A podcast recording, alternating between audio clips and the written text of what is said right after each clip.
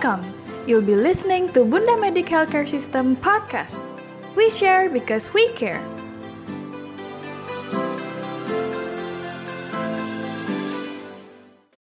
Halo podcast listeners, selamat datang di podcast BMHS bersama saya Tifa. Pada episode kali ini kita akan membahas mengenai mencegah infertilitas sejak dini bersama dengan Dr. Ivander R. Utama, spesialis of gene.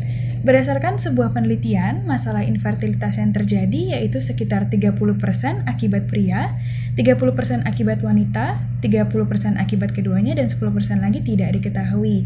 Nah dokter, sebenarnya infertilitas itu apa sih dok?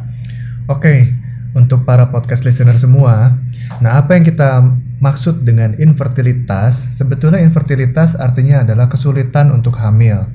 Namun dengan semakin majunya teknologi untuk mengobati masalah kesuburan, maka sebetulnya istilah infertilitas atau tidak subur sudah mulai bergeser atau diganti istilahnya dengan subfertilitas. Artinya lebih sulit untuk hamil.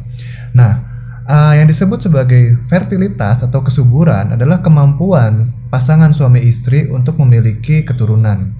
Oleh karena itu, bila disebut sebagai infertilitas atau subfertilitas, maka pasutri tersebut adalah pasutri yang sulit untuk mendapatkan kehamilan. Nah, suatu pasangan suami istri disebut sulit untuk mendapatkan suatu kehamilan bila mereka sudah menikah selama satu tahun, berusaha untuk mendapatkan kehamilan, berhubungan suami istri secara teratur yaitu seminggu sebanyak 2-3 kali dan belum mendapatkan kehamilan dalam waktu satu tahun. Oleh karena itu jelas di situ ada suatu batasan kapan pasangan suami istri harus menunggu bila sedang mengusahakan mendapatkan kehamilan, yaitu selama satu tahun mencoba. Oke baik. Untuk beberapa orang mungkin masih ada ya dok yang mengalami infertilitas. Kira-kira penyebab dari infertilitas itu sendiri karena apa dok? Ya, jadi penyebab infertilitas atau penyebab sulit hamil itu bisa datang dari bapaknya, bisa datang dari ibunya, bisa juga datang dari kedua-duanya. Nah, penyebab sulit hamil dari pihak wanita sebagian besar terjadi adalah karena masalah di saluran telur atau lebih dikenal sebagai istilah tuba, yaitu sekitar 50% penyebab sulit hamil pada wanita disebabkan karena masalah pada tuba atau saluran telur. Sedangkan pada masalah pria atau laki-laki itu sering kali juga disebabkan oleh e, masalah spermanya. Nah, spermanya pada laki-laki itu hanya bisa dinilai berdasarkan pemeriksaan sperma di laboratorium fertilitas. Oleh karena itu, uh, sperma yang jumlahnya terlihat cukup, hubungan suami istri yang tidak mengalami kendala, libido yang baik, itu belum tentu menjadi parameter atau menjadi pegangan bahwa hasil spermanya bagus. Demikian juga sering kali orang beranggapan bahwa kalau sudah pernah punya anak sebelumnya atau sudah pernah hamil sebelumnya, maka pasutri dianggap tidak akan memiliki masalah fertilitas lagi dan hal ini tentunya tidak tepat. Oleh karena itu semua pasutri yang sedang mencoba untuk memiliki anak harus memiliki batasan yang jelas yaitu kalau yang belum memiliki anak dan usia masih muda maka batasannya adalah satu tahun. Tapi untuk yang sudah pernah hamil atau usianya sudah di atas 35 tahun maka cukup menunggu enam bulan saja sebelum uh, untuk mengusahakan kehamilan secara natural. Bila sudah lewat dari enam bulan masih belum hamil juga segera cepat-cepat cari pertolongan. Tapi apakah kondisi infertilitas ini sebenarnya ada pencegahannya dok? Untuk masalah fertilitas ada yang bisa dicegah, ada yang nggak bisa dicegah. Contohnya misalnya kelainan pada bentuk rahim.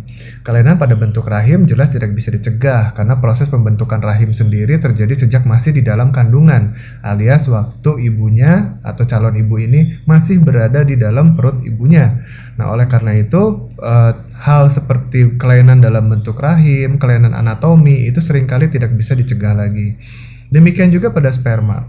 Kadang-kadang sperma parameternya buruk bukan karena kesalahan dalam pola hidup, bukan karena kurang olahraga, bukan. Tapi sering kali juga akibat penyakit yang mungkin diderita pada saat masih anak-anak. Contohnya adalah parotitis atau mumps. Itu bisa mempengaruhi spermanya juga kelak di kemudian hari. Kemudian uh, varikokel, varikokel atau munculnya uh, varises pada buah sakar itu juga berpotensi untuk menurunkan atau merusak kualitas spermanya. Itu adalah hal-hal yang tidak bisa dicegah. Namun ada beberapa kondisi-kondisi lain yang bisa dicegah atau bisa diperbaiki untuk memperbaiki fertilitas. Contohnya yang paling sering adalah obesitas atau kegemukan yang sudah merupakan pandemi global saat ini. Nah, uh, obesitas, pasutri yang obesitas akan 30% lebih sulit hamil bila dibandingkan dengan pasutri yang tidak mengalami obesitas. Oleh karena itu, bila faktor obesitasnya bisa diperbaiki, maka peluang untuk hamil jelas lebih baik. Yang kedua adalah diabetes. Diabetes sering kali berhubungan erat dengan kesuburan, menurunkan parameter-parameter sperma, juga uh, menurunkan kualitas dari telur hingga mengacaukan siklus haid. Kalau misalnya diperbaiki, tentunya fertilitas juga akan kembali dengan cepat. Kemudian yang terakhir adalah nyeri haid. Seringkali nyeri haid menjadi salah satu pertanda adanya penyakit lain, yaitu endometriosis. Endometriosis itu sendiri adalah salah satu penyebab sulit hamil. Uh, bisa dikatakan bahwa sekitar 70-80% pasutri yang sulit hamil, maka perempuannya akan mengalami endometriosis. Dan yang terakhir adalah Eh, hal-hal uh, yang baru muncul belakangan ini yaitu kelainan di dalam rongga rahim atau kelainan pada bentuk rongga rahim yang hanya bisa diketahui dengan dua metode yaitu dengan menggunakan SIS atau dengan menggunakan histroskopi. Uh, belakangan ini ketahui bahwa ternyata uh, kelainan pada rongga rahim itu ditemukan pada sekitar 60% kasus kesuburan.